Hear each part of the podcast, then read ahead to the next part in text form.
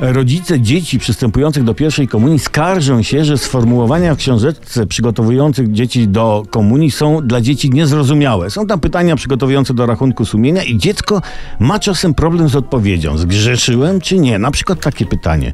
Czy czytałeś czasopisma, które mogą wyrządzić ci krzywdę? Prawda? Warto, żeby i dorośli odpowiedzieli sobie na tak postawione pytanie i zrobili w tym aspekcie rachunek sumienia. A zatem, czy czytałeś czasopisma, które mogą wyrządzić ci krzywdę? Tak, przyznaję się, czytałem.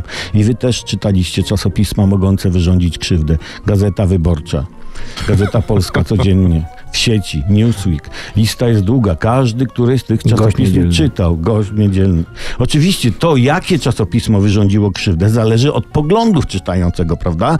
Bo zwolennik PiS po lekturze na przykład Newsweeka jest zgorszony i popełnia serię grzechów. Staje się agresywny, rzuca przekleństwa oraz zarzuca, że autorzy artykułów dobierają fakty do swoich poglądów. Z kolei szary zwolennik opozycji po przeczytaniu na przykład Gazety Polskiej codziennie jest zgorszony i popełnia serię grzechów, staje się agresywny, rzuca przekleństwa oraz zarzuca, że autorzy artykułów dobierają fakty do swoich poglądów. Co więc należy nam czynić, w sensie robić? Po prostu, no może tak jak ja, nie miejcie poglądów. Wtedy jakiekolwiek czasopismo będziecie czytać, ono nie wyrządzi wam krzywdy. Co najwyżej was rozśmieszy. A to nie grzech. A nie grzech.